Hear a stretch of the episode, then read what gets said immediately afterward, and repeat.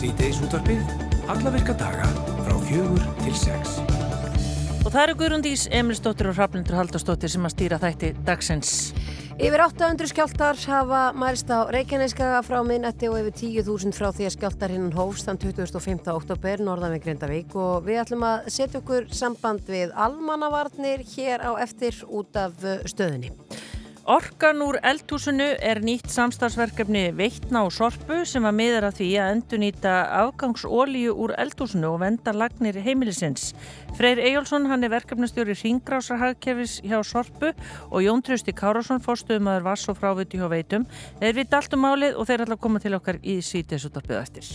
Öll þekkjum við það að fara með hópi fólks út að borða og flest konnustu við vandraðgangi þegar kemur að því að gera upp reikningin. Albert Eiríksson, matgæðingur og lífskunstner veit svarin við því hvernig við getum gert okkur þetta auðveldara, bæði fyrir hópin og veitikastæðin og við ringjum í Albert Östur í Breiðdal þar sem að hann er stattur og spyrjum hann út í þetta.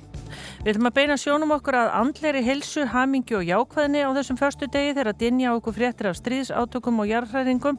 Hjeðin Sveinbjörnsson, hann er Chief Happiness Officer en hann vakti aðdegli í þættinu Svona erum við sem var á Daskar Rúfi gær en þar var fjallað um hamingju landans í víðu samingi og hérðin ætlar að koma til okkar og fræða okkur um það hvernig við getum aukið hamingju okkar og notið lífsins á þessum síðust og vestu. Stærsta hugleiðsla Íslandsögunar fyrir fram í næstu viku og til að segja okkur betur frá því þá kemur Agnes Andersdóttir sem er í forsvari fyrir þetta verkefni hjá Hófinu en, en Hófið er jafnvægis setur sem að vinnur að því að bæta geðheilbriði starfsfóks á vinnustöðum. En við ætlum að byrja á þessu. Páll Valur Björnsson, bæjafulltrúi samfylkingarinnar í Grindavík og í búið þar í bæ, er eitt þeirra sem vaknaði upp við skjáltan í nótt og hann saði frá því á Facebook síðu sinni að hann hefði aldrei á síðustu árum uh, fundið fyrir svona ákvöfum og staðbundnum skjáltum.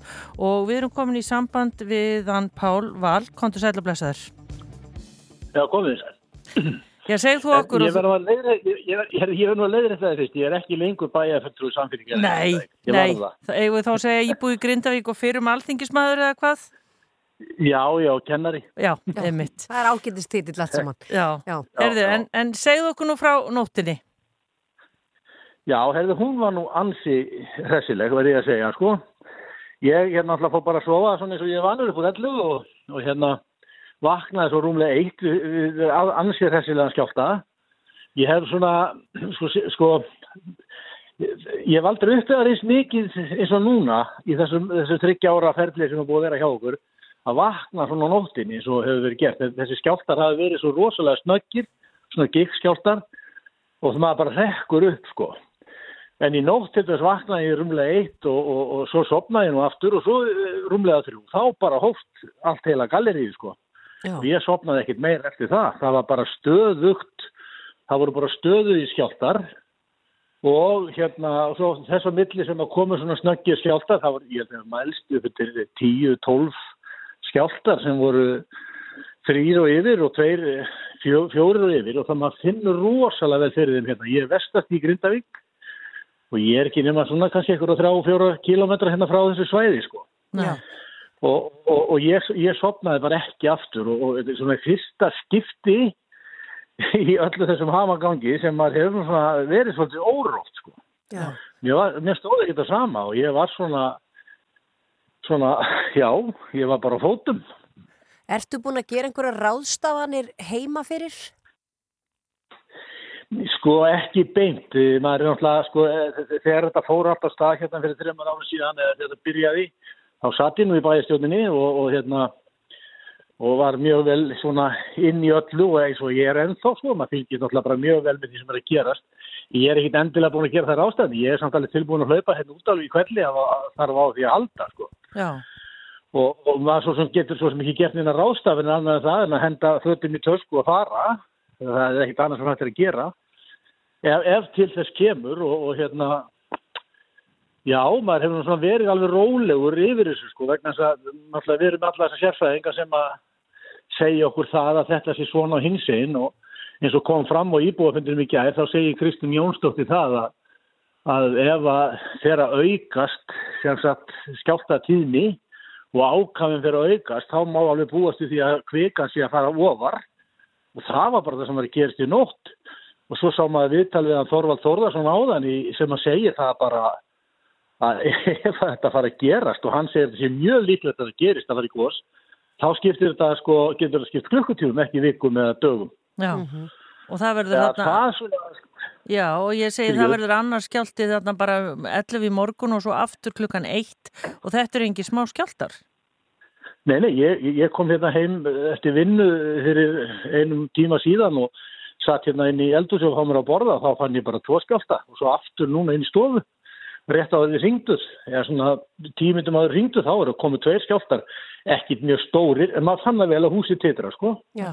Og það glamnaði öll í hillum og en hvernig líðið með það, Pálla, því að uh, síðast þegar að í undanfari síðasta eldgós var þannig að íbúar í Grindavík voru jafnvelotni svo þreyttir á skjáltónum að þeir voru bara vonast til þess að það færi bara að koma eldgós til þess að losna við þessa spennu. En uh, hvernig er, hvernig er hljóðið í íbúum núna þegar þetta er svona bara algjörlega í bakarænum hjá okkur? Sko ég, maður merkir það alveg að fólk er ekki rótt sko. menn geta borið sér vel en það skal enginn segja mér það að hann sé rólegir yfir því að þetta er búið að vera nú að síðasta sólringin sko.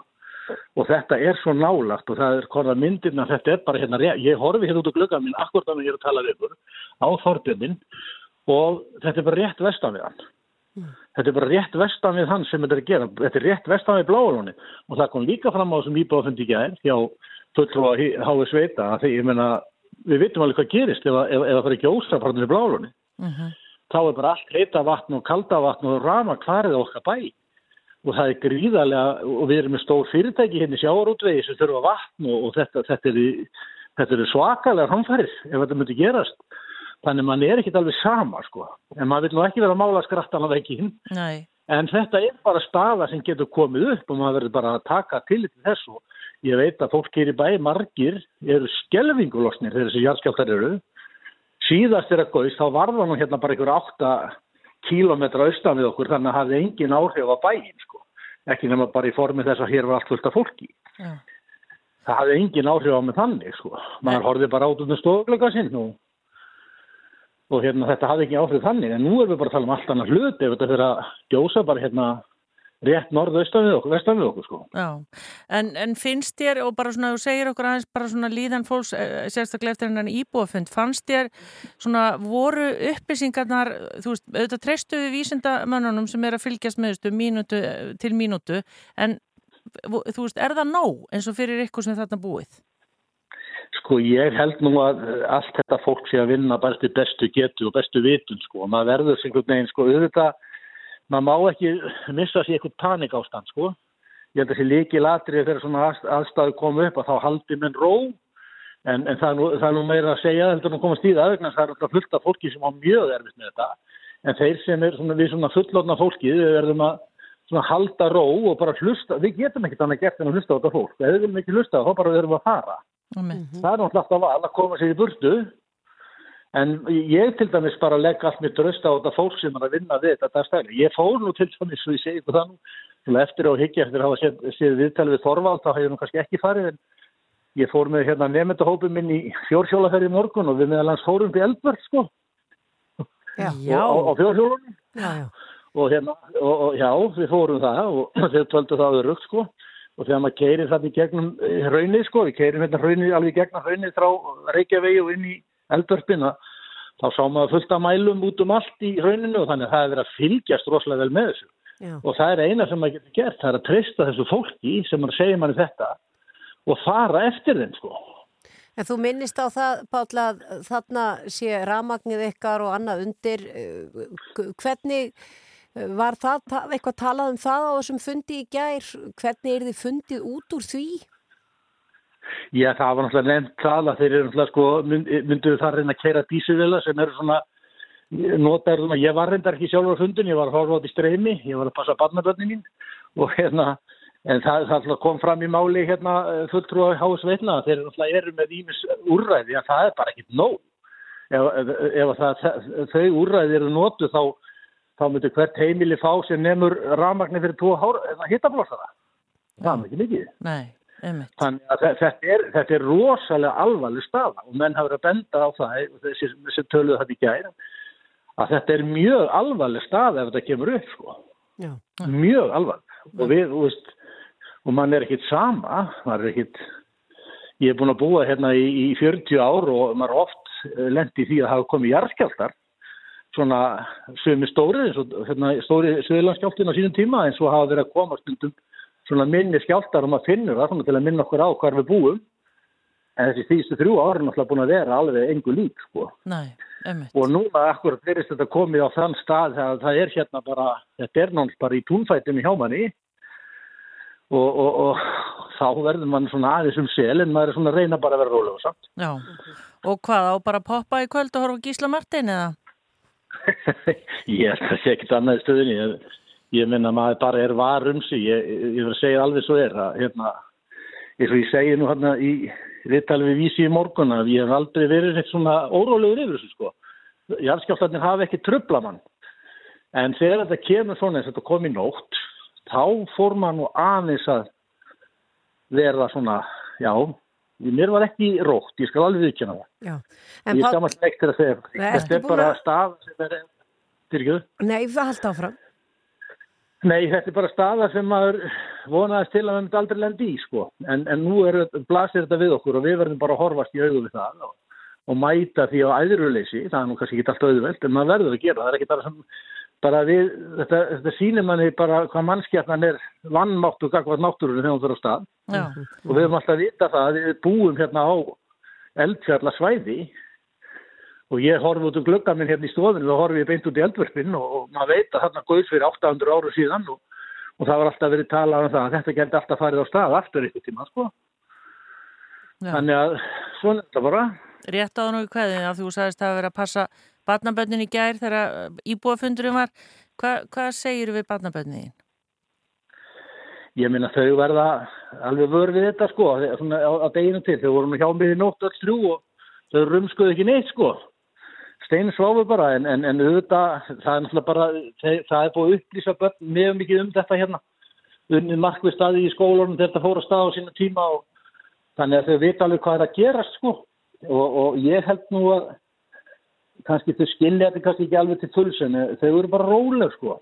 Já, það er gott mál. og, og, og maður, svona, já, maður reynir svona bara bendaðum á það að þetta, svona er þetta bara.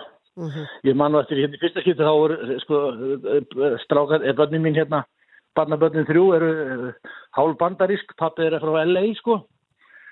Og þeir voru svona svona æstir, þá yngri og þá vildu þau fara til LA bara, slýja reyðskjáttan og ég bendi nú að það var nú kannski að fara öskun í eldin sko Já, Já, það er rétt. það, það, það, er, það er nú tölvöld stærri þegar þið kemur það sko já, En svona er þetta bara, maður verður að vinna úr þessu og líkilattir er bara að halda ró og ekki láta bera á því að maður sé eitthvað svona tenn sko þegar maður er nálað börnunum. nei. Nei, nei. Uh, Páll Valur, ég hef enga trú á að þú poppur og horfur og gísla í, í kvöld, þú voru öruglón svo þreyttur, þú ert búin að vera vakandi í alla nótt, þannig að, Ég, já, sko, ég ætla að leggja með því ég er búin að tala við ykkur. já, já, já, það er gott mál, það er gott mál. En við hugsun hlýlega til ykkar og takk fyrir að vera á línunni hjá okkur og bara við óskum ykkur allsins besta. takk fyrir kjærlega fyrir það. Takk fyrir þetta. Við eh, stöndum saman í gegnum þetta, Já.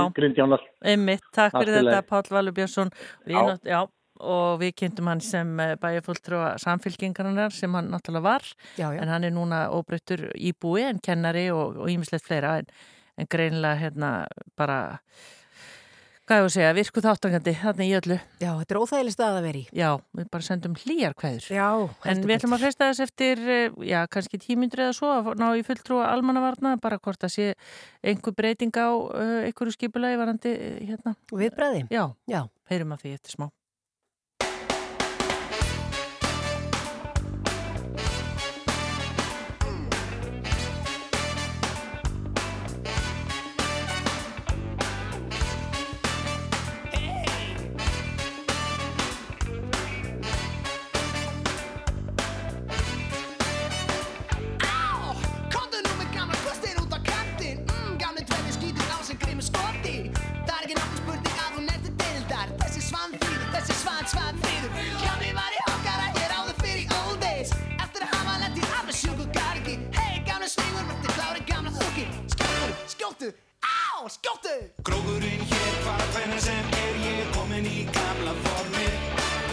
and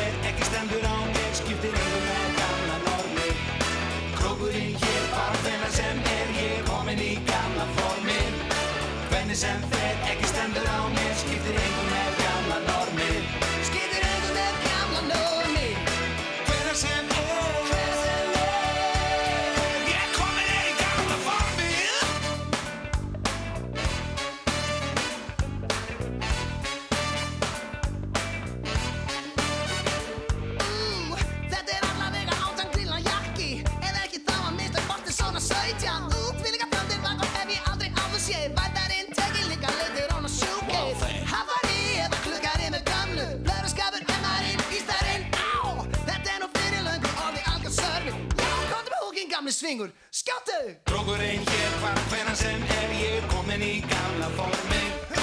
Hvernig sem fer ekki stendur á mér skiptir yfir með gamla normi. Drókurinn hér hvar hvernan sem er ég komin í gamla formi. Hvernig sem fer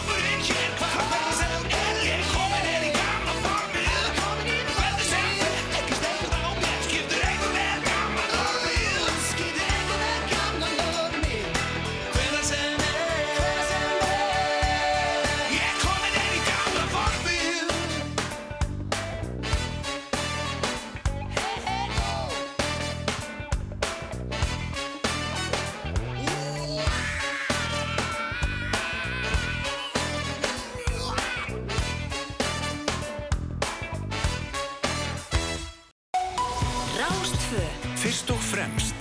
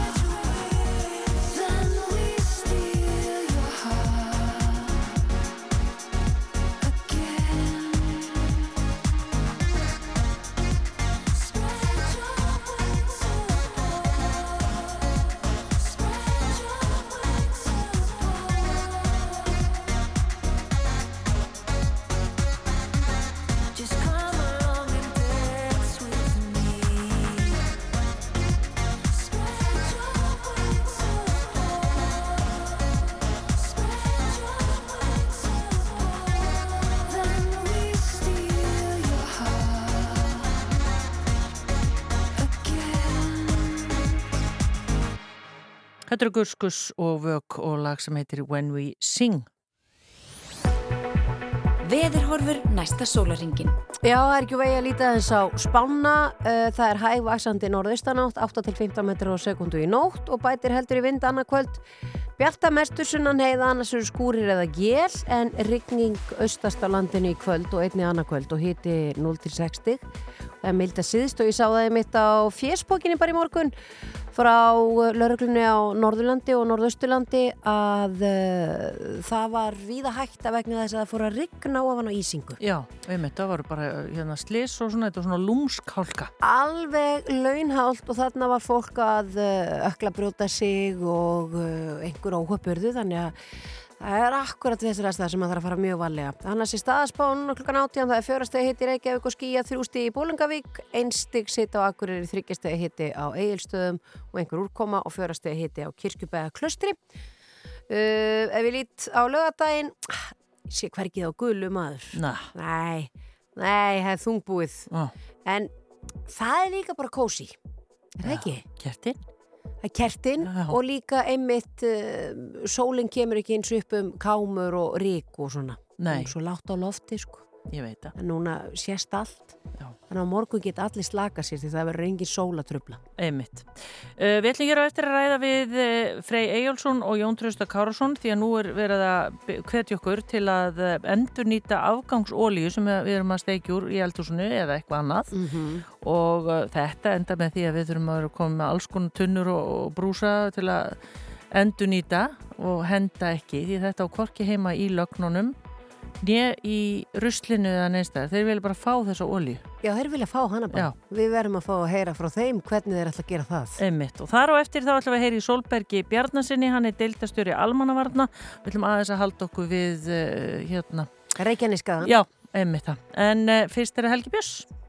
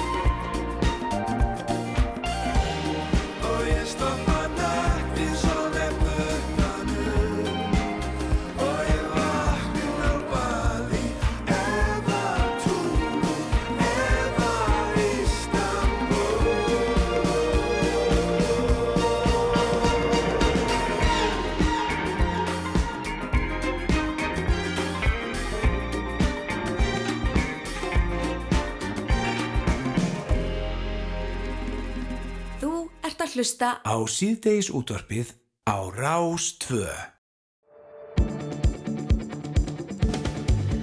Orkan úr eldhúsinu, þetta er nýtt samstagsverkefni Veitna og Sorpu sem að meðara því að endurnýta afgangsólíu úr eldhúsinu og venda þar með lagnir heimilisins.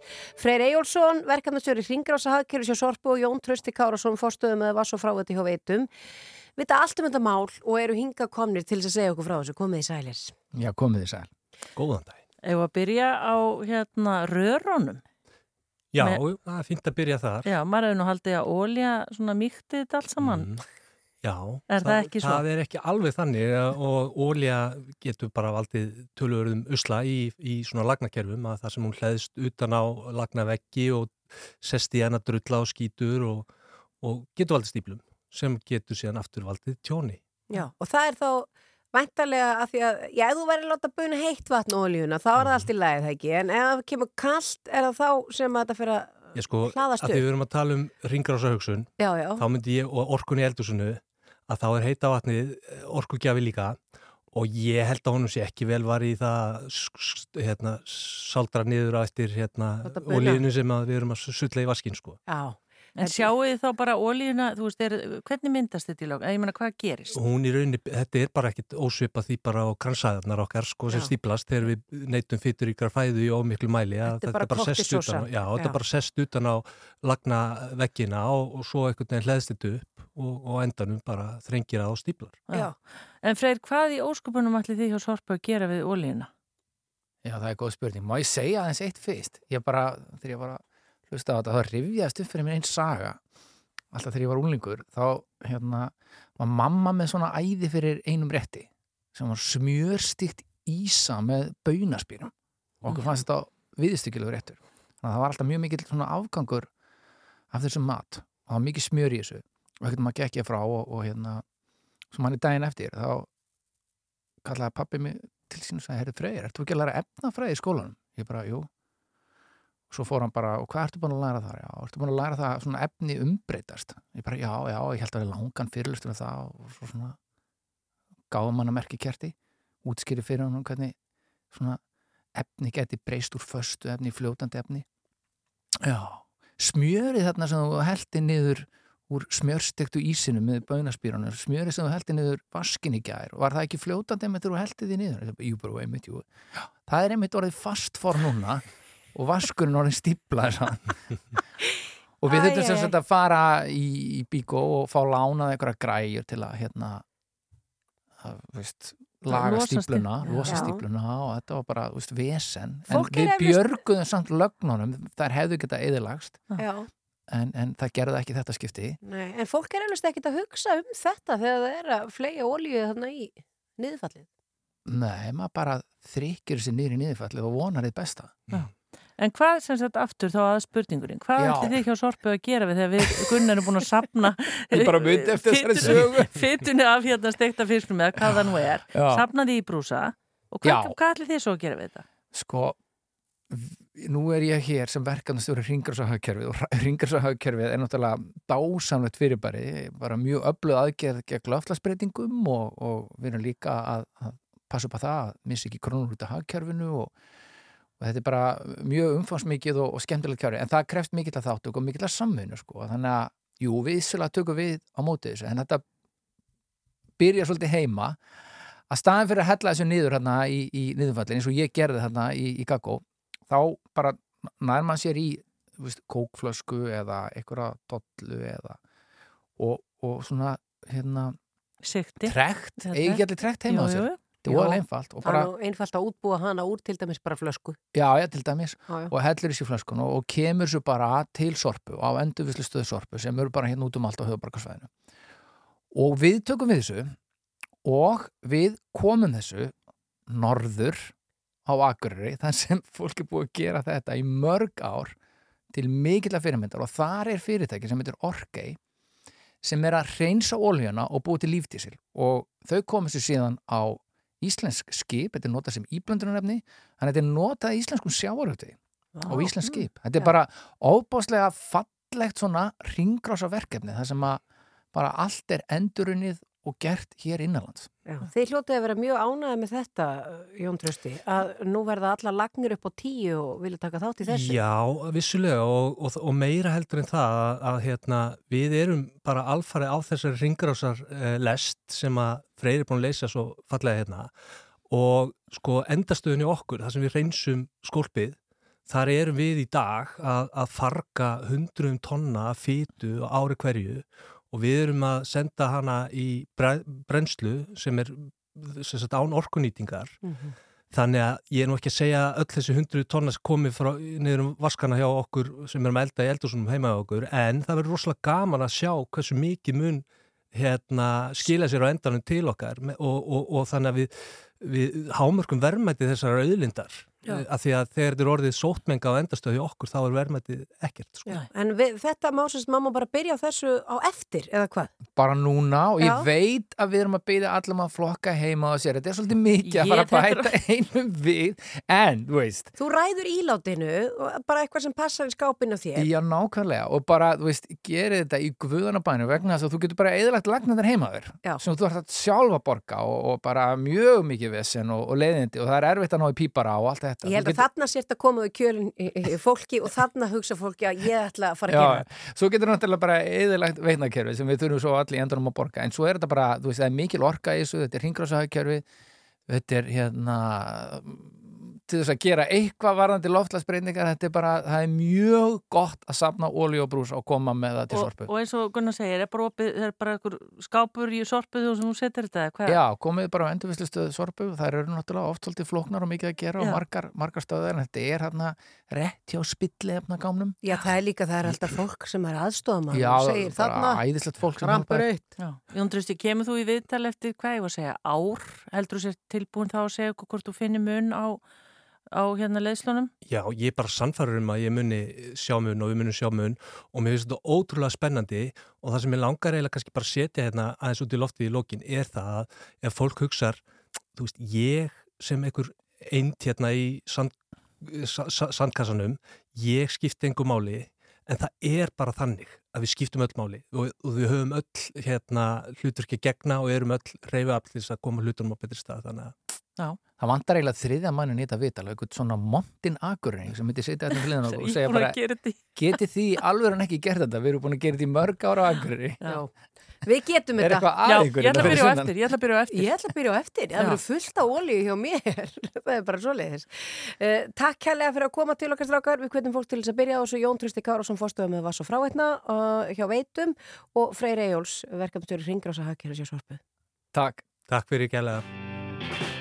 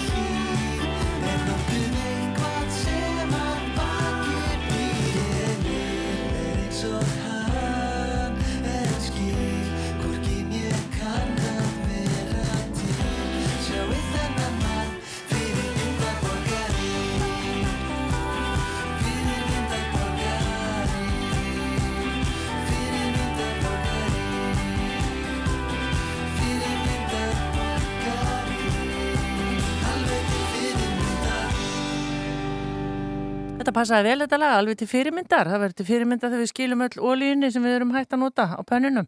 Já. Ég heldur sem landsmanna. Við byrjum að sapna strax í kvöld. Einmitt. En uh, við erum búin að vera að ræða um uh, hérna jarðhræringarnar á Reykjanesinu og uh, eins og við sögum ykkur áðan þá ætlum við að freysta þess að ná í fulltrúa almannavarna og við erum komin í samband við mann sem heitir Solberg Bjarnason, hann er deltastjóri almannavarna. Kottu sæl Þið eru vantilega búin að vera að funda í allan dag því maður finnur að svona, já það er áriðin svona aðeins meiri þungi í umræðinni hvort að eigi að grípa til einhverja hérna frekari rástafana varandi rýmingar og bara lokar hennilega að bláa lónunu. Getur þú sagt okkur eitthvað um það? Ég það er rétt, við höfum fundað mikið í dag og, og síðustu daga og ég raun að veru verið í, í virku sambandi við alla aðila almanvæna kervisins frá því að óvissustíði var líst yfir og hérna það vinna allir aðila markvist að því að, að, að, að búa í hæginn og, og, og ebla starfsemi sína til, til þess að taka stáfið þess viðsmyndi sem, sem uppi eru Mm -hmm. og við hvetjum, hvetjum alla áfram bæði almenning og, og, og fyrirtæki og, og stofnanir og stafsendingar sem eru á þessu svæði að huga vel að sínu og vera eins undirbúin og hægt er undir það sem kom skal Já. eða verður. Við, töluðum áðan við Íbúa í Grindavík sem að sagði að eh, já, á síðustu þremur árum, hann var nú búin að búa þarna í 40 árin og síðustu þremur árum þá hefði hann nú, jú, svona ekki staðið alltaf á sama um þessa jarðhæringar en nú væri fólk svona orði bara heldur óttast slegið. Skinnið þið þetta þarna á, á Suðunissu? Já, við skinnjum þetta vel uh, á, á Suðunisum og, og, og í Grindavík og, og það er alveg vel skiljalegt. Svo síðismynd sem að nú blasir við er, er, er, er vondamörkuleiti og sérlega þegar þessum grunnþörfum samfélagsins er, ógnað svo eins og, ramagni og, heit og kaldu vatni. En hérna kerfið allt og, og, og, við erum kvartið þess og, og unni markvist með því að, að kerfið allt uh, vinni uh, markvist af því að, að hérna að uh, svo þjónusta sem að, sem að vitt er til samfélagsins og, hérna, og er, er virk bara í daglum rekstri haldi velli uh, þrátt fyrir jarðskjálta eða, eða það að verði atbyrði og, hérna, og komið til stórs atbyrðar að, að þá sé við bara með þeim hætti að, að, að vel verði staða að, að málum Mhm. og, og fari sem best. Við hérna vinnum markvist af því þess að dana og erum að yfirfara, yfirfara fyrirliggjandi viðbrasáallinir og, og í fyrirbyggjandi aðgerðum. Þannig að það er vinnum markvist af því. En talandi um uh, fyrirbyggjandi aðgerðir og viðbrasáallanir og, og annars leikt, því nú heyrir maður í umræðinni að fólk sem er orðið óttastlegið eða orðið stressað, uh, það er að vitna í það að uh, það hafi ekkert verið mikill fyrirvari á því þegar að kom eldgós síðast. Hversu góðar og nákvæmar mælingar hafið og hversu langan viðbrastíma haldið að þið hafið til þess að uh, rýma þá svæði og annað? Það er náttúrulega ákveðin ómöguleiki að spá nokkala fyrir um hvað verður með, með, með jörðin og, og hvernig hún hafa sér. En viðstofan er með mjög upplugt uh, mæla sett og, og, og er í sambandi við aðra sem geta veitt gaglegar upplýsingar. Hún fylgist mjög vel með stöðumála og vinnur 24-7 stöðuða því að fylgjast vel með einhverju merkjum þessum að, að hérna, þessi jarðskjálkavirkni sem að sem að núa er leiði af sér eh, eitthvað annað heldur en kvikusöndun á þessu fjóri kilometrar dýpu sem að hefur verið hinga til. Já. Þannig að það er, það er vel fylst með og, og, og öllum upplýsingum þessu tengt er, er hérna miðlað, miðlað út. Já. Ha, já.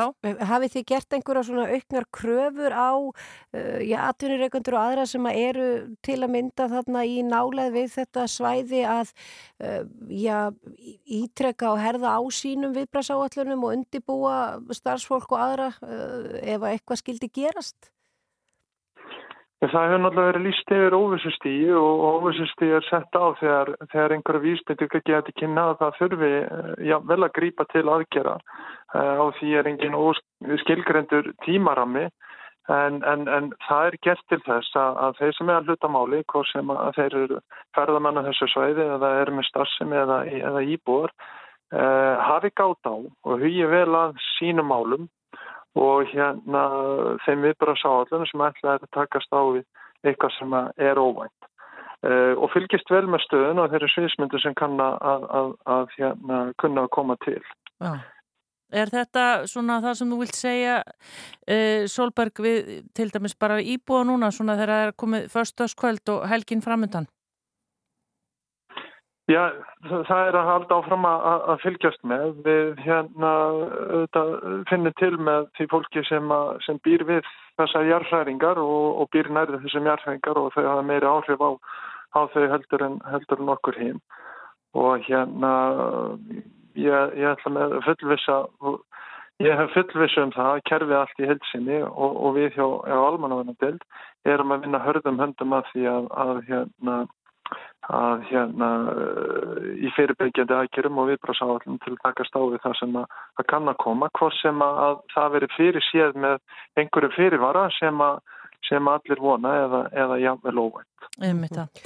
Solberg Bjarnason, deildastjóri Almannavarna, takk fyrir að vera á línu hjá okkur og gangi ykkur áfram vel að undirbúa þetta allt saman. Takk fyrir sömulegis, bestlæs. Já, við náum bara örstutu lægi áður en við fáum uh, tilkynningar og fréttir og það er svona, uh, já, ég var að segja hljónstinn blör sem ætlar að svona eiga nokkra tóna fyrir, fyrir þann pakka Jú. og svo heyrust við eftir fimm. Og við ætlum að fara að tala eins um hamingju og jákvæðni. Það er komið að því. Já, ég held það.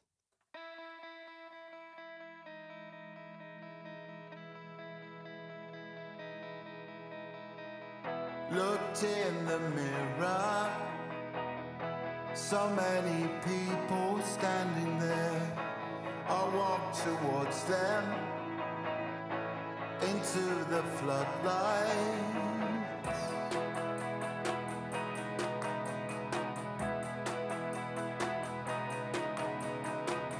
I heard no echo. There was distortion everywhere. I felt my ego. Felt Roberto standing there.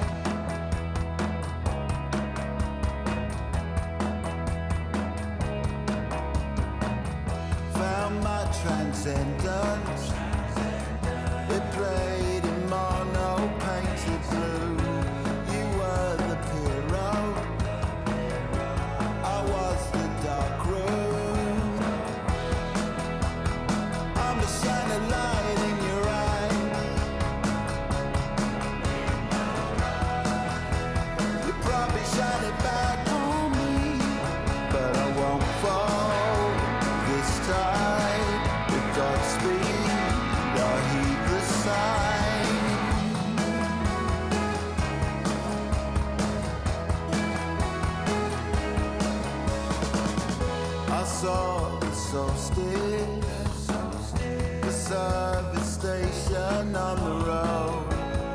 Took the acid under the white horses. My heart it quicker. I could not tear myself away. Became addiction.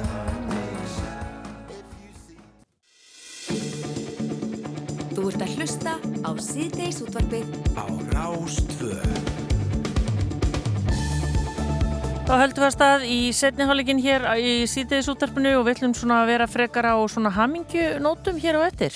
Við ætlum að reyna að vera aðeins léttar svona á þessum síðari klukkutíma en að koma Helgi Rafnildur og kannski veitir okkur ekkert af því að reyna aðeins að líta á björtuliðarnar. Nei, og við byrjum hér á eftir á manni sem að eh, svona, hvað ég var að segja, getur kannski hjálpað okkur til að auka hamingjuna. Já, hann heitir He- Héðinn Sveinbjörnsson og hann er Chief Happiness Officer. Já. Við ætlum að fá smá skilgæring á því hérna eftir hvað er það eiginlega en uh, hann alltaf svona aðeins að reyna að uh, bæta andlega hilsu og auka hamingju og jákvæðni hjá okkur Já. á föstu degi. Og svo ætlum við líka að heyra af stærstu hugleiðslu Íslandsögunana, þetta eru þetta nátengt efni þessi tvö og hinga kemur Agnes Andresdóttir og ætlar að segja okkur frá þessu verkefni sem hún er í for, forsari fyrir en stærsta hugleiðsla Íslandsögunar fer fram í næstu viku. Já.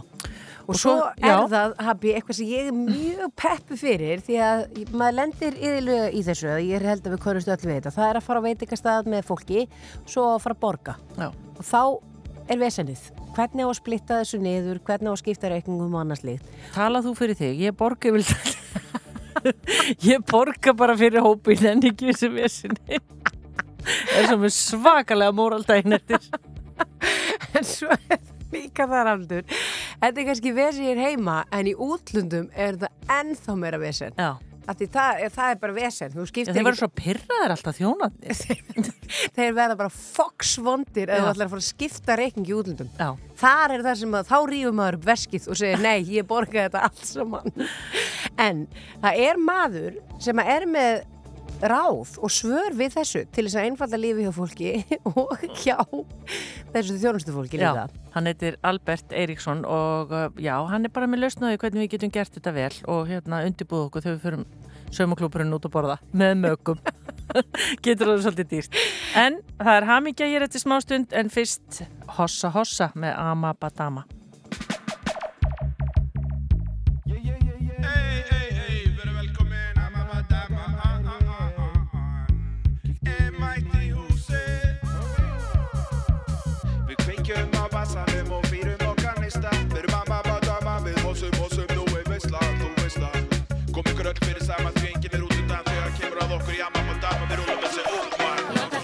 Rista bossa, ég vil sjá tungu gossa í kroppum, ásta blossa, allir saman hossa, hossa.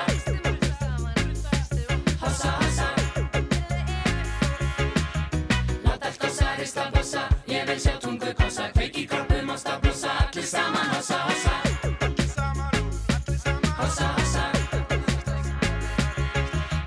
Sjóðandi heitt og fólki laðrandi sveitt. Við dansum óáreitt og hugsum ekki um neitt nema hvort annað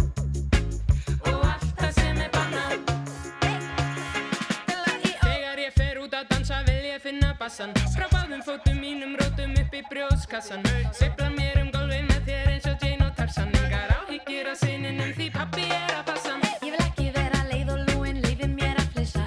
Finna bassan, bánsa ekki, hangsa bassan hrista. Týna mér í transi, dansi, dillaði þér sista. Og ef mér langar þig að kissa, skaltu ekki verða hissa. Bum bidi bæ fyrir dansarna, dansarana og dansvanna Bum bidi bæ það er amma badama, engin leið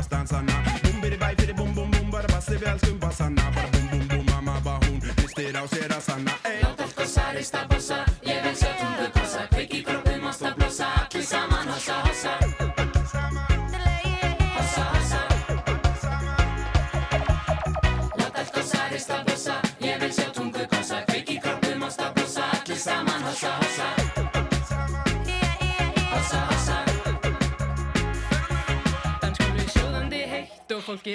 sveitt Við dansum óáreitt og hugsum ekki um neitt nema hvort annað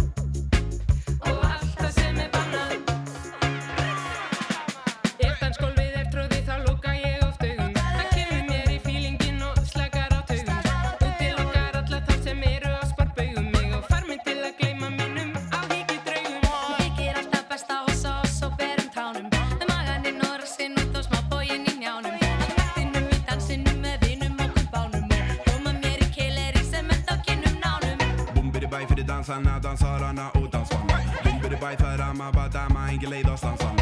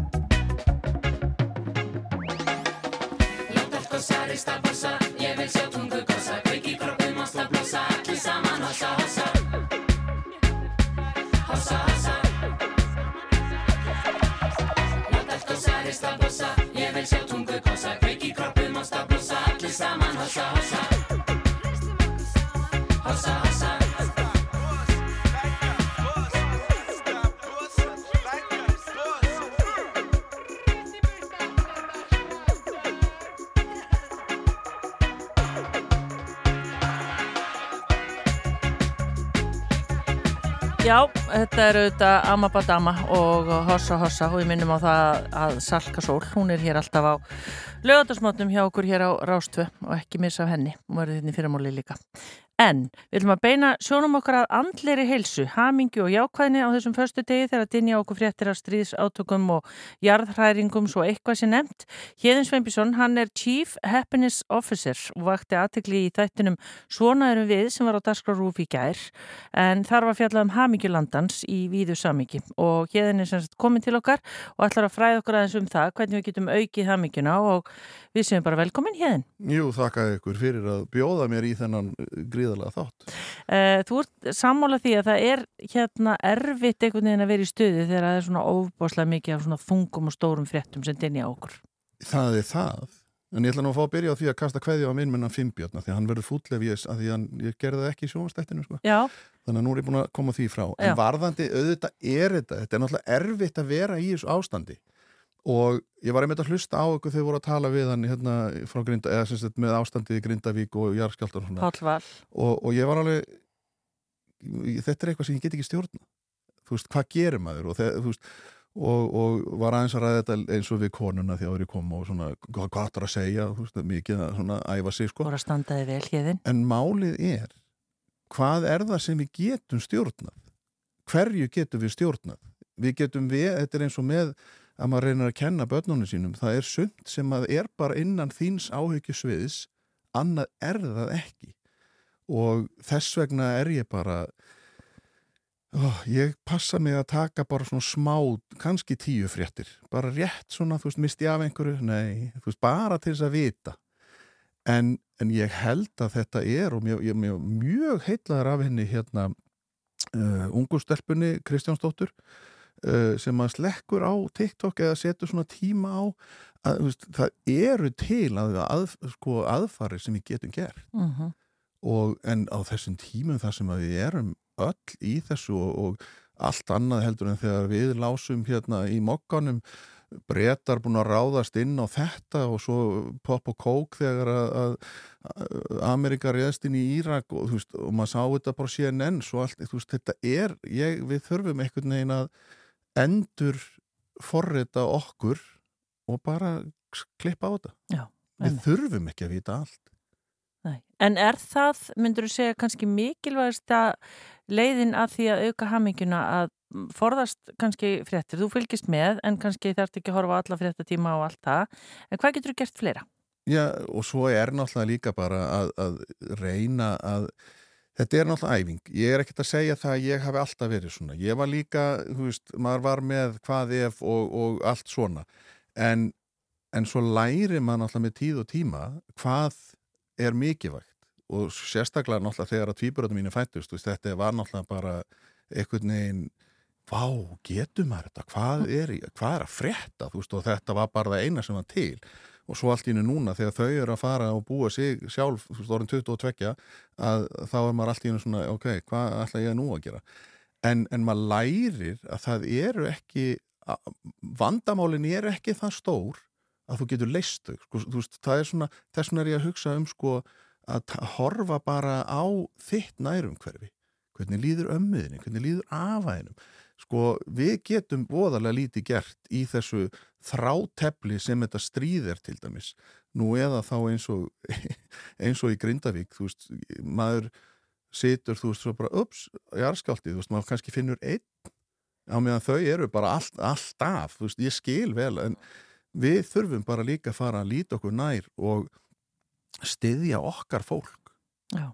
Þú veist, að vera sína bara samhegð og, og taka utan um hvort annað og svona, veist, ég held að við séum orðin of svona eh, ótengd af því að, að ekki það að fara að segja að þetta hafi verið betra einhvern tíma þegar við vorum yngri en, einhvern veginn það var bara við höfðum áhyggjur og við höfðum áhuga á hvað hvort annað var að gera Mm. En núna dinja og náttúrulega... þetta kemur svo mikið en, en svo er náttúrulega það að, að maður getur náttúrulega líka valið að eins og það var, í- hvað var það í COVID hérna var ekki einhver með COVID frí á hotnið Jú, Þú jú. veist, að, að maður getur bara nöldur frí á ho- hotnið og svona en ég er með áskorun á okkur á eftir ég ætla nú að þess vegna er mér blaði hérna. En svo er það líka það sem að, var talað um og er mikið talað um, það er þessi samaburður. Það er samaburður, maður er að bera sér sama við alla.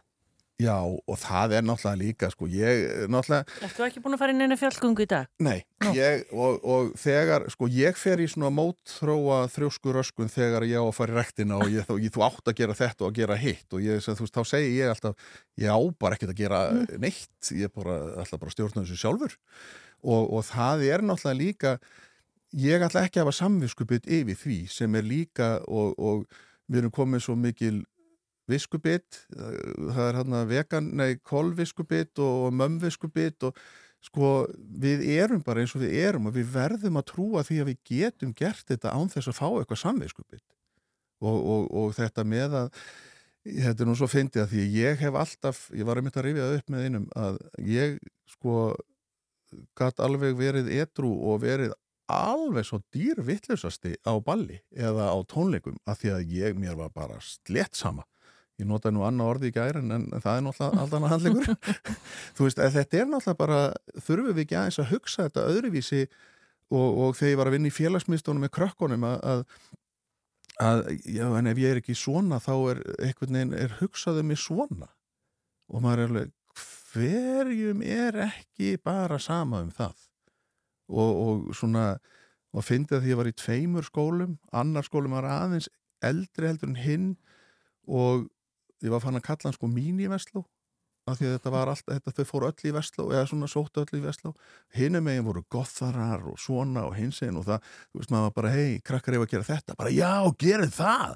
Svo nokkrum ára setna eftir ég var hættur og fór ég aftur í heimsókn og þá var þetta allt orðið svona veist, Allir- allir, eins og ég var bara Já. þú veist að við erum svo upptekinn af sko og ég er ekkert viss um að þetta sé einu sinni samfélagsmiðlarnir, ég held að þetta sé bara heilin á þér, af því að ég tel mig, nú á ég stelp og strák og ég tel mig hafa til dæmis kent stelpunni að maður bara er þú veist, hún getur gert hvað sem hún vill hún má vera læknir, hún má vera ruslakonna eða þú veist, hvað hún vill ég er alltaf stoltur af henni en svo allt í einu þegar hún fer að tala um eitthvað svona, já nei, ég get ekki gert þetta af því að, ég fyrir ekki hver segir það? Hvar ekki kendi ég þetta? Eða þegar að strákurinn kom á leikskólan og sagði, nei, raukt er stelpulitur og ég var bara uh, hvað, hvað með rauðadóti mitt eh, þetta er ekki þetta er alveg rosalega sérst mm. En er þetta ekki það líka að við erum sjálfa að bera okkur sama við aðra? Við verum náttúrulega væntalega að uh, gera eins og við erum að reyna að kenna börnunum okkar. Við erum að reyna að kenna þeim að vera ekki að bera sér sama við aðra, en svo gerum við það alls. Já, það er náttúrulega erfitt að praktisera það sem maður er að predika að. en, en, en það er ég er náttúrulega, þú veist eins og ég er að segja ég er bara þannig að, og krakka grein þau voru stundum Pabbi, vinur okkar eru að koma, nennur að reyna að hegða þér Getur þú ekki bara verið niður eða fram með eitthvað? En En- hérðin, hvaða áskorun ætlar að koma með? Herðu, já, þið, sko, ég er bara með hérna 30 daga áskorun Já, á ekkert nöldur á ekkert nöldur. á ekkert nöldur Ha? á stjórnendur það ekki. á, á stjórnendur síðdeis útarpsins og núna er þetta bara þannig að þið þurfið að byrja segja, að segja, gefa ykkur fræst fram á mánudag að þið byrjið og þá, svo þurfum við að merkja í hvort þið nöldrið þann daginn Ertu að meina í, í loftinu eða bara, Mér finnst að þetta bara eða yfir daginn? Já, bara, þetta er allur dagurinn Og má ég þá ekki nöldra um, um samstagsfólkið eða bara nöldra yfir höfuð um hvað eitthvað er erfitt og leðilegt? nöldur er afleiðing af einhver, það er einhver, sko eins og þið segja þarna á blaðinu, að neikvæð neikvæð hugsun gefur ekki jákvætt líf Nei. þannig að, að í staðin fyrir að vera nöldra yfir að þessi og þessi manniska gerir ekki þetta og þetta að þá er kannski spurningin að fara fyrir eitthvað til viðkomandi að segja, heyrðu, ég baði um að gera þetta en þú ert ekki búin að því Já. Þannig að sérst, ekki nöldra eða tuða, eins og ég myndi orða já, sko, já, ég, ég, ég nota orðið tuða og ég stend mér stundum að það er tuða. Alveg, ég er búin að hlusta á því allan dag. Ég stend mér stundum að það er tuða og ég hugsa bara, hvað er að? Já. Hvað er yfir þessu? 30 daga áskorun, hérðin, þú kemur aftur eftir mánuð. Þá sjáum við hvernig við erum búin að standa okkur. þegar þú ert að tuða, þú fær svo Guð, ég hljóma eins og mamma Nei, nei, mamma tuða ekki svona. Það er Já, Þetta er bara, já, þetta er bara ég að tuða yfir einhverju, já, í börnunum mínum eða eitthvað. Já. Tuðaldið. Já. Tuða þú ekki neinum, Habi? Jú, jú, jú, ég er nú bara að gera grína þér hérna, ég er alveg Tuða tuð- mjög oft í mér. En svo er náttúrulega líka eitt, af því að eitt sem að varandi bara þessu, að því ég ætla að nota allar sekundurina. En veitu, ég vil að þetta verði ekki bara áskorum fyrir okkur hrafnildi, Nei, þetta er bara ég- ég- áskorum fyrir þjóðina. Þetta er bara áskonum fyrir alla og ég, við skulum, ég skal senda ykkur bara þetta skjal. á- til Tuðlaus ykkar. nóvember, Já, bara tuðlaus nóvember. nöldurlaus nóvember. Og svo er náttúrulega líka, mér finnst eitt af því að Habi, þú þekkir náttúrulega Guðrún Gunnars og ég myndi að það ætti að vera skilda að allir ætti að vera með hláturinn hennar í símanum sínum. Já, einmitt. Af því að smitandi, meira smitandi hlátur er ekki til í heiminum. Nei, einmitt. Er það ekki bara... Ég er sammála því. Jú, jú, allir setja guðrún í Hláturinn síman. lengi lífi. Já. Takk fyrir að koma og gefa okkur hérna, bara vonum það að við getum orðið hérna hamingisamari en við erum nú Já, þegar. Já, Og nöldurlausar. Og ákveðið. Héðinn Sveinbjörnsson, takk fyrir komuna. Takk heilega. Rástvö Þetta er Rástfö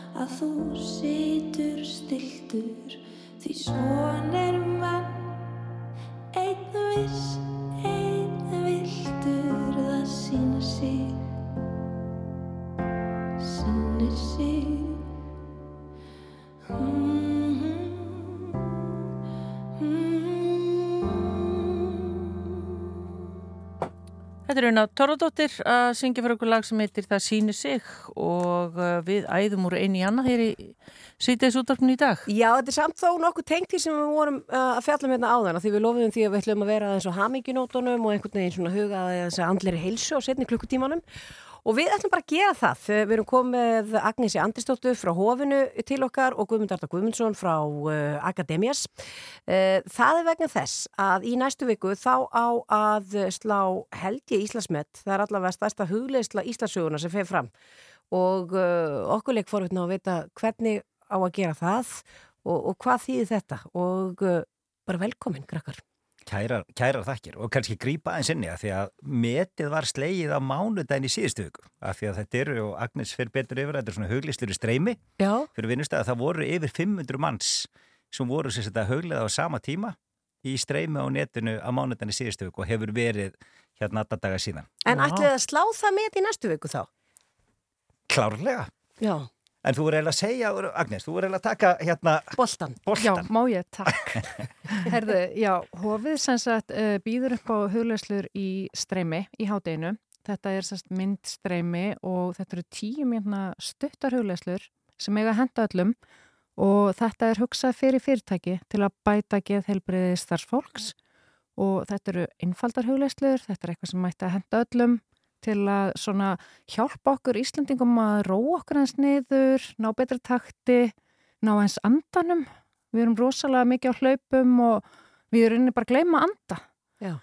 Og er þetta eitthvað sem að bara fyrirtæki og stopnarnir eru rosa til í, finna að starfsfólksitt þarf að kannski að fara öllítið að huglega? Já, og þá ka- kannski kemur hann á akademi sem þetta hjálpa vinnustöðu með svona rafræna fræðslu og alls konar og það sem við erum bara undan fyrir tvö ár. Samnefnar eitthvað sem er helbriðstofnun, eitthvað sem er að framleiða brauð eða fljúa flugvelum, bara svona þvert yfir að þá er geðhelbriði orðið, orðin stærsta áskorunin og það er mesta eftirspurnin, þetta er svona rísa vandamál á íslensku vinnumarkaði. Og prósentmarkasæða svona fyrirtæki var ekki á tölur bara mjög nýla, ég held þessu tvær vikur síðan. Og þá uh, svona sjokkirandi staða á markaðinum eins og að 41% af öllum Íslandingum eru einu sinni, sinni vikuð oftar úrkerð eftir vinnuna. 11% af konum á Íslandi 11% af öllum konum á Íslandi vinnumarkaðinum er í kulnun. 18% af unga fólkinu okkar 18-24 ára segist fyrir, og greinast í hérna kulnun. Og 35% segist fyrir tilfinningarlega úrvenda einu sinni oftar í hverju einustu viku. Og við þekkjum þetta með bara hérna, eh, hérna börnótið, kulnuna sem við erum að sjá alltaf í, í, hérna, í fréttum. Og mannustjórnarnir í fyrirtækjunum að þau er að segja hérna við okkur að fólkið kemur til okkar þegar það komið fram að bjargbrunni Mhm. veist, þannig að, að huglistur eru hugsaði sem svona preemptive Það má Að- kannski fá að bæta í við að um leiðin og þessar sláandi tölur eru fyrir framnokkur, þá er hugleisla minna stunduð, hefur farið alveg töluvert minkandi á milli ára og það er eiginlega bara alls ekki góð þróuna því að það er bara sannað að með reglulegri stundun hugleislu þá áttu að finna betra jafnvægi og ná betri svona tengslum við sjálfa þig. Mm. En ef ég segjum bara það er vinnudagurinn 9-5 og ég er að huglega þarna í hátteginu, er ég svo bara, þú veist, mæti aftur á skrifborðið og hérna er ég þá kraftmeiri, þarf ég ekki eitthvað að jafna mig eftir þetta því hvernig fer þetta svona inn í rithman eða þú veist? Já, það er nefnilega, þetta er frábær spurning af því að uh, í hugum okkar flestra þá er hugleislega eitthvað sem er svona djúb innri vinna og þú heldur að þú hittir þig, þú vart fimm ára einhver staðar og þú eru að takast á áföllin sem þú hefur lent í eins og við öll höfum þurft að takast á við eitthvað í lífinu en málið er að það er til alls konar tegundar af hugleislum og þessar hugleislu sem hofið er að bjóða upp á eru svona í einfaldari kantinum. Þetta eru bara stuttar, einfaldar, í rauninu svona öndanæfingar og svona bara núlstilling. Þannig að þessar tíu mínútur þær eru hugsað til þess að þú náir bara smá svona að kjarna þig og svona bara anda í takt og þú ert algjörlega tilbúin að halda áfram og bara betri tilbúin í daginn eftir þessar tíu mínútur og þetta fer þannig fram að þetta er sérst í streymi mándag til 50 dag kl. 12.15 og þú getur huglegt bara við skrifborðið þú getur farin í fundaherbyggi eða bara verið út að rölda eða hvernig sem er en svo er þetta aðgengilegt líka þannig að þú getur bara gripið í þetta þú kemur heim sömur vilja kannski ekkert fara í þetta og sérstaklega til að byrja með, viltu kannski aðeins aðtöga hvernig líður mér, er ég eitthvað eftir mig eða, eða hvað, en þetta er í rauninni meira svona að hugsa bara til þess að þú bara dreyti djúft andan og, og þú finnir bara svona pínu léttleika í lífið Já. Erum við komið stutt á veg með að við, ég til dæmis bara nákvæmlega löndin, erum við mikið að hoppa á huglesluvagnin? Sko það er að verða rosa mikil vöknu núna. Við erum eftir á, það er bara þannig og það sem meira er að við erum miklu brjálæri. Við erum í svo mikil keppni, við þurfum svo mikið að vera best. Ég til dæmis bjó sjálf í, í Oslo og þar var fólk miklu rólir að lifði meiri núinu og, og bara í miklu betri takti. Við ekkert veginn, við erum bara á svo skemmtilegan hátt snar brjálið en sem er líka ekki gott. Nei, það er alltaf verið að segja okkur þetta en einhvern veginn læru við ekki af þessu. Nei, það er nefnilega heila máli, sko. Nei, og við gefum okkur aldrei tíma og Nei. það er og þess vegna er hugmyndir með, með hofinu og, og akademis fyrirtæki sem við vinnum akademis að vinnust að þetta setja dagskrá af því að það eru svo miklu hagsmunir þar líka auðvitað er þetta mannlegur harmleikur þegar fólk fyrir fram á bjargbrúnni en þetta er farið að hafa verulega áhrif á vinnustæðina líka og bara aturlífið Já. þannig að nú við að segja að vinnustæðinir eiga bara að setja þetta dagskrá fólkið, starfsfólkið á bara fær tækjafær þarna í, í matatímanum að taka tímyndur Sum fyrirtæki eru líka bara að senda höflustötu með e-maili sex á mótnana og svo er þetta að sækja þér bara, bara svona on demand svo ég, hérna, svo ég sletti þannig að nú er engin, þá er ekki að vera neinn fyrirstað. Nei, einmitt. Fyrir þá sem er að hlusta núna og er allum í bílnum á leiðinni heim, ef við ætlum bara að taka öndunna, Mhm. hver er líkillin þar? Það er innum nefið, ekki? Það er bara innum nefið, taka djúpan anda inn, alveg halda niður í maga í smástund og anda svo rólega út um munin. Bara þú gerir þetta þrisvar, það er bara, þú finnur smá mun. Það hættir bara að vera trilltur á miklu Það hættir að vera trilltur. Þú bara verður minna trilltur, smá. Já. Sendum- Það er við allt sendum þess þetta út í virði. umferðina. Þetta fer út í umferðina. En það er ein uh, huglæslega aðgengilega inn á hovið.is þar sem fólk getur ferð og kíkta á hvernig þetta virkar Já. og þar klikkar bara á, á linkin sem er þar og, og getur svona aðeins skoðað. Og leikið sér með þetta. Já. Þetta er, þetta er spennandi og við, það verður gaman að sjá hvort að Íslandsmet verður slegið í næstu viku. Uh, Agnes Andrisdóttir og Guðmundur Arna Guðmundsson, takk fyrir að koma til okkar og gangi ykkur vel. Takk, takk. takk.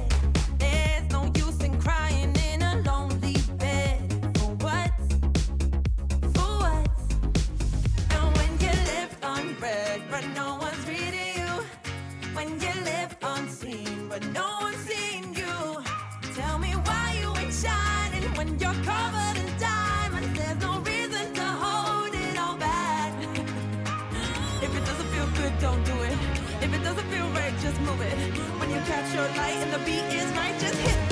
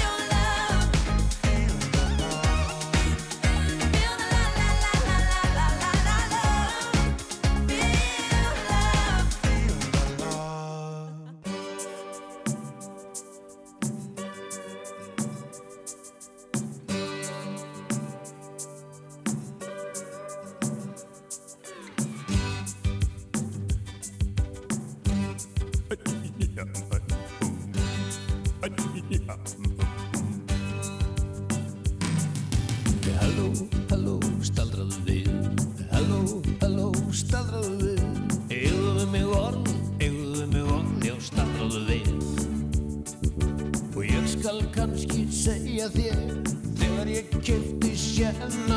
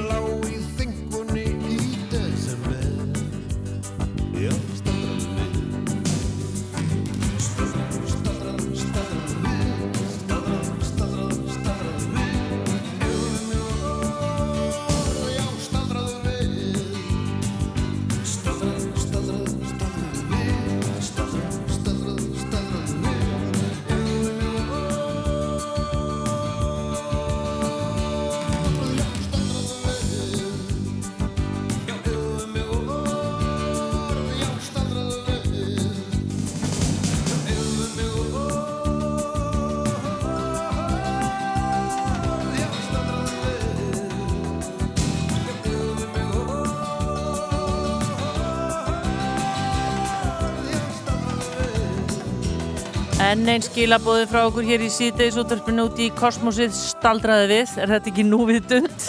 núvitundur lag? Þetta er allt tengt hérna hjá okkur. Við erum búin að vera alveg í þessu núna setni klukkutíman. Já, en öll þekkjum við það að fara með hópi fólks út að borða og flest konumist við, við vandræðagangin þegar kemur að því að gera upp reikningin.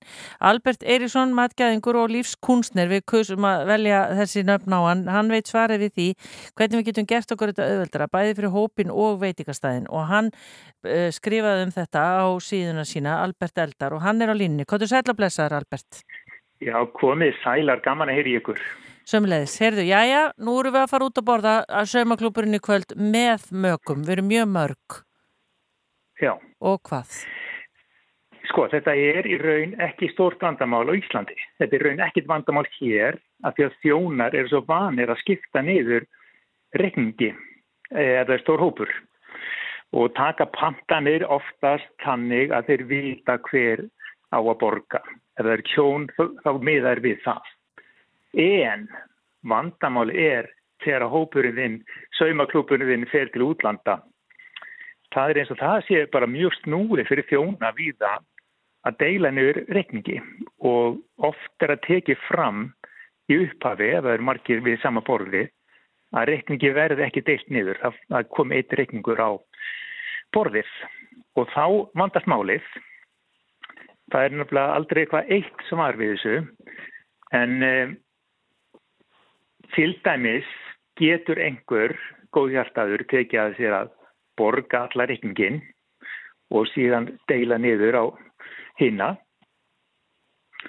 eða þá að tja þið bara neytið að taka í þátt í þessu Já. Býttu nú við. Er það hægt? Það er líka möguleiki. Það er alveg hægt. Það hefur reynd. Já.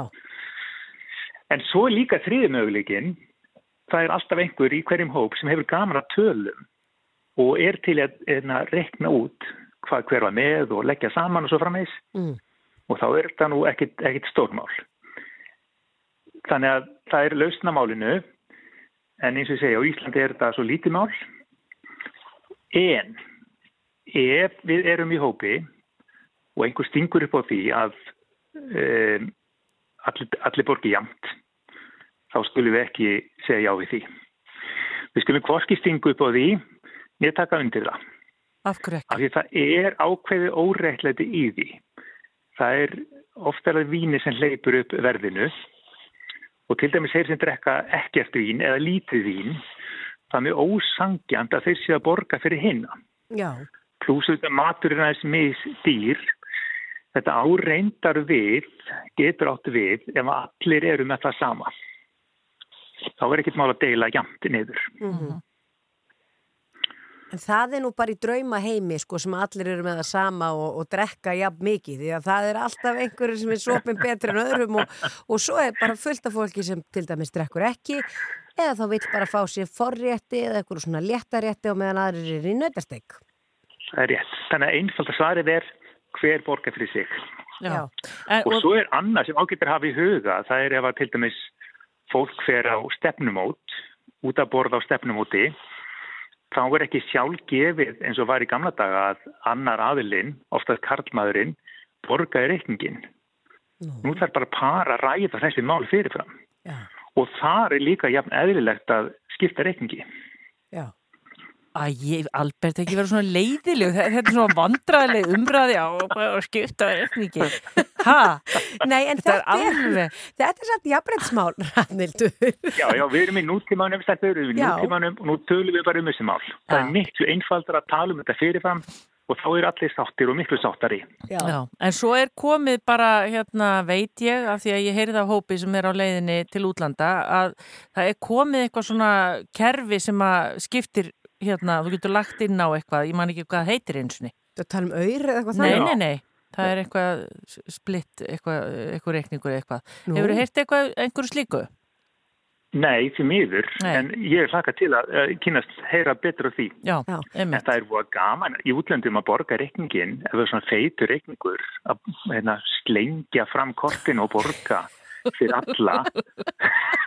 Maður finnur alveg til sín. Og svo daginn eftir, þá þykist ekki mun að, að þeir hafa ekki borga. Ha? Já, já. En, en Albert, ég, samt, ég hjó eftir því þú saðir það að það er líka hægt, ég vorði vitnaði á veitingastað úti, þetta er sérstaklega erfitt eins og bara við, við, við miðjar að hafa og svona, þú ætlar að skipta ég hef bara sagt nei, er ekki hægt, segja þeir en ef þú segir bara, jú, það þarf að skipta þá gera þeir það, það er ekkit hægt að Já, breyta er því, þeir geta ekkit verið Nei, með, er- þetta er bara leti Ég veit, þetta er bara leti. Bara fólk á, hérna, veitingastöðum á Íslandi, það er svo vant þessu. Já.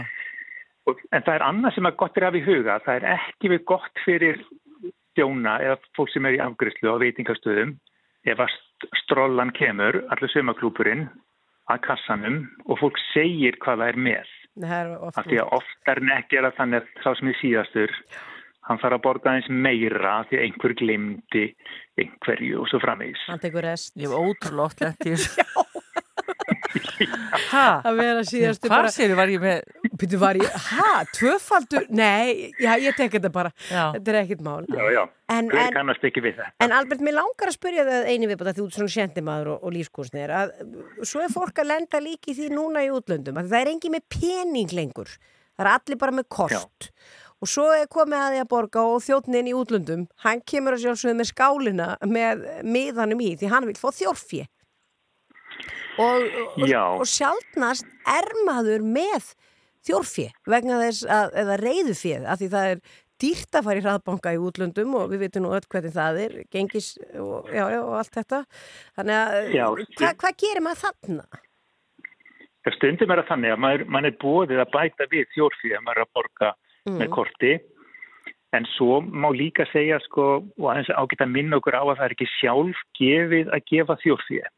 Við gefum þjórfið ef við erum mjög ána með þjónustuna eða matinn. Já. Þannig ekki gefa þjórfjö bara til að gefa þjórfjö. Nei, þetta er gott, já, Það þarf fólk þarf að vinna fyrir þjórfjönu sínu. já, já. Í rauninni sko Albert, allt sem ert búin að vera að segja okkur og skrifaður um hana, það er þetta að sko aðeins hugsa út í þetta áður en við förum og erum komin inn á veitingastæðin. Pæli hvernig við ætlum að hafa þetta. Já. Það er rétt. Mjög mikilvægt. Svo náttúrulega sniðut til saumaklúburinn er bara búin að einhvern veginn leggja púk fyrir þessu fyrirfram. Það er annað. Já, já. Já, við verðum kannski verið ráð hérna næstu viku. En við verðum að spyrja þið, þú ert stattur austur í Breiðdal, Albert, að Já. elda fyrir rjúpna skittur. Það er svo skemmtilegt. Hérna, þeir byrju í dag að skjóta og fín veiði og rosa gott veður og fullt af rjúpu og þetta er svo hressandi að elda fyrir rjúpnaskittur búin að vera úti í marga klukkutíma og brenna svo miklu og þeir eru alltaf svo svangir og þeim finnst allt svo gott. Og svo þurfa þeir náttúrulega mikla orku þannig að við erum að tala um bara þú veist, rjóma og smjör og það bernir svo í kvöld sko. Ú, og, og hérna og væn súkulega tert á eftir Já. og Þannig er, að það, það er gaman að gefa fólki að borða sem, að, sem er svangt og tekur hraustlega til matar síns já, ég skal trúa því. En aðeins að bennesósunni, Albert, að því að við erum nú með því á línni.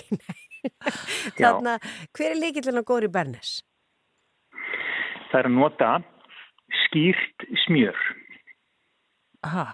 og ef þú áttu að segja hvernig skýrt smjör er það er skjöðum einföldu þá má- má bara googla skýrt smjör eða farin á alberteldar.is reitt þá- stórt spurningamerki Já. hérna. Já, til dæmis stelpur að þið nú fer að stýttast í jólin Já, já. og þið eru að fara að baka bestastæða kökur og allt þetta Jú, jú. til þess að fá kökurnar stökkar og til þess að fá bernisósuna þykkari þá notið þið skýrt smjör og í einf í einfalda útgafinu svo að þið hiti smjörið í potti látið það kólna og takið svo ofanaf þegar það er hart þá takið ofanaf og hendið hinu við minnir að heiti, heiti áfyr það sem verður eftir undir. Og þannig fáið þið svona þjættara og betra smjör.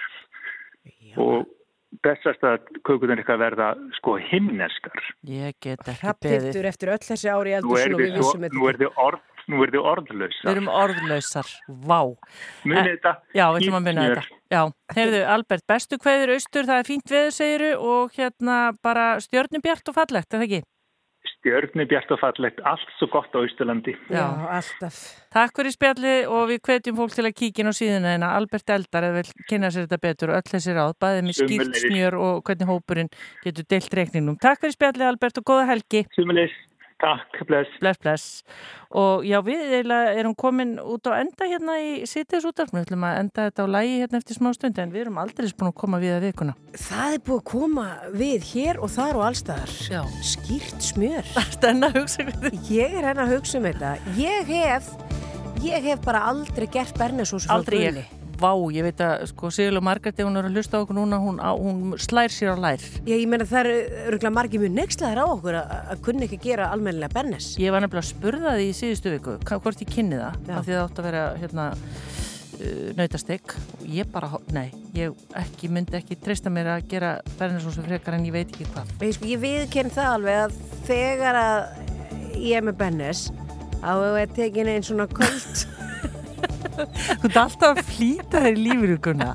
Nei, nei, ég borða náttúrulega ekki mikla bernesósu þetta er kannski einu sinni tvisar og sumri að En maður sko er með köld bernesósu með fullir virðingu fyrir henni, ég veit allavega þeir sem eru að elska bernesósu, þeir með það er í rauninni ekki Þeir bernesósa. bara rækja henni út úr sér, ég veit það. En það ég hef farið í mat og ég á sem betur fyrir nokkra vini sem eru snillingar að búa til Bennis. Já. En ég meina, af hverju, maður þarf ekki að kunna allt rafnildur. Nei, það er rétt hjá Maður þér. bara vera ágættur í nokkru. Já, og þú ert með blaðið hérna, þú ætlar að hætta að tuða, ekki tuði í mánuð. En nöldurlaus nóember hér í, í síteinsútabunna það. Já, við skulum lofa nöldur ekki neitt. En við þökkum öllum viðmælendum dagsins og bara vonum að fólk, landsmenn um land allt og auðvitað út í heimi, er náttúrulega fjölmarkir út í heimi sem eru að hlusta okkur á útvarpinu. Jú, jú,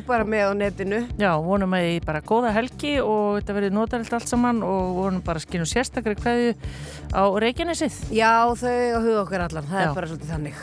ætlum að enda þetta á hljómsveit sem að heitir Train og lagið heitir Drops of Jupiter, er það ekki? Jupiter. Uh, Jupiter. Já, Drops of Jupiter, þetta er frábært uh, lag, 90s uh, allslemma og, eða svona, jú, það kom á milli 1990 og 2000, algjörlega frábært. Andum á þessu. Takk fyrir að hlusta í dag. Bless, bless. Allir að syngja með. Já.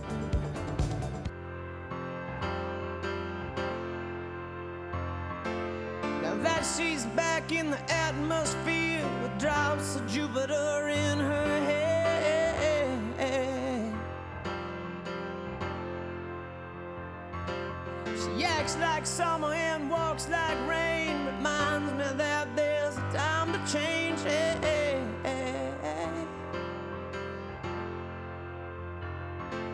Since the return of her stay on the moon, she listens like spring and she talks like June. eh,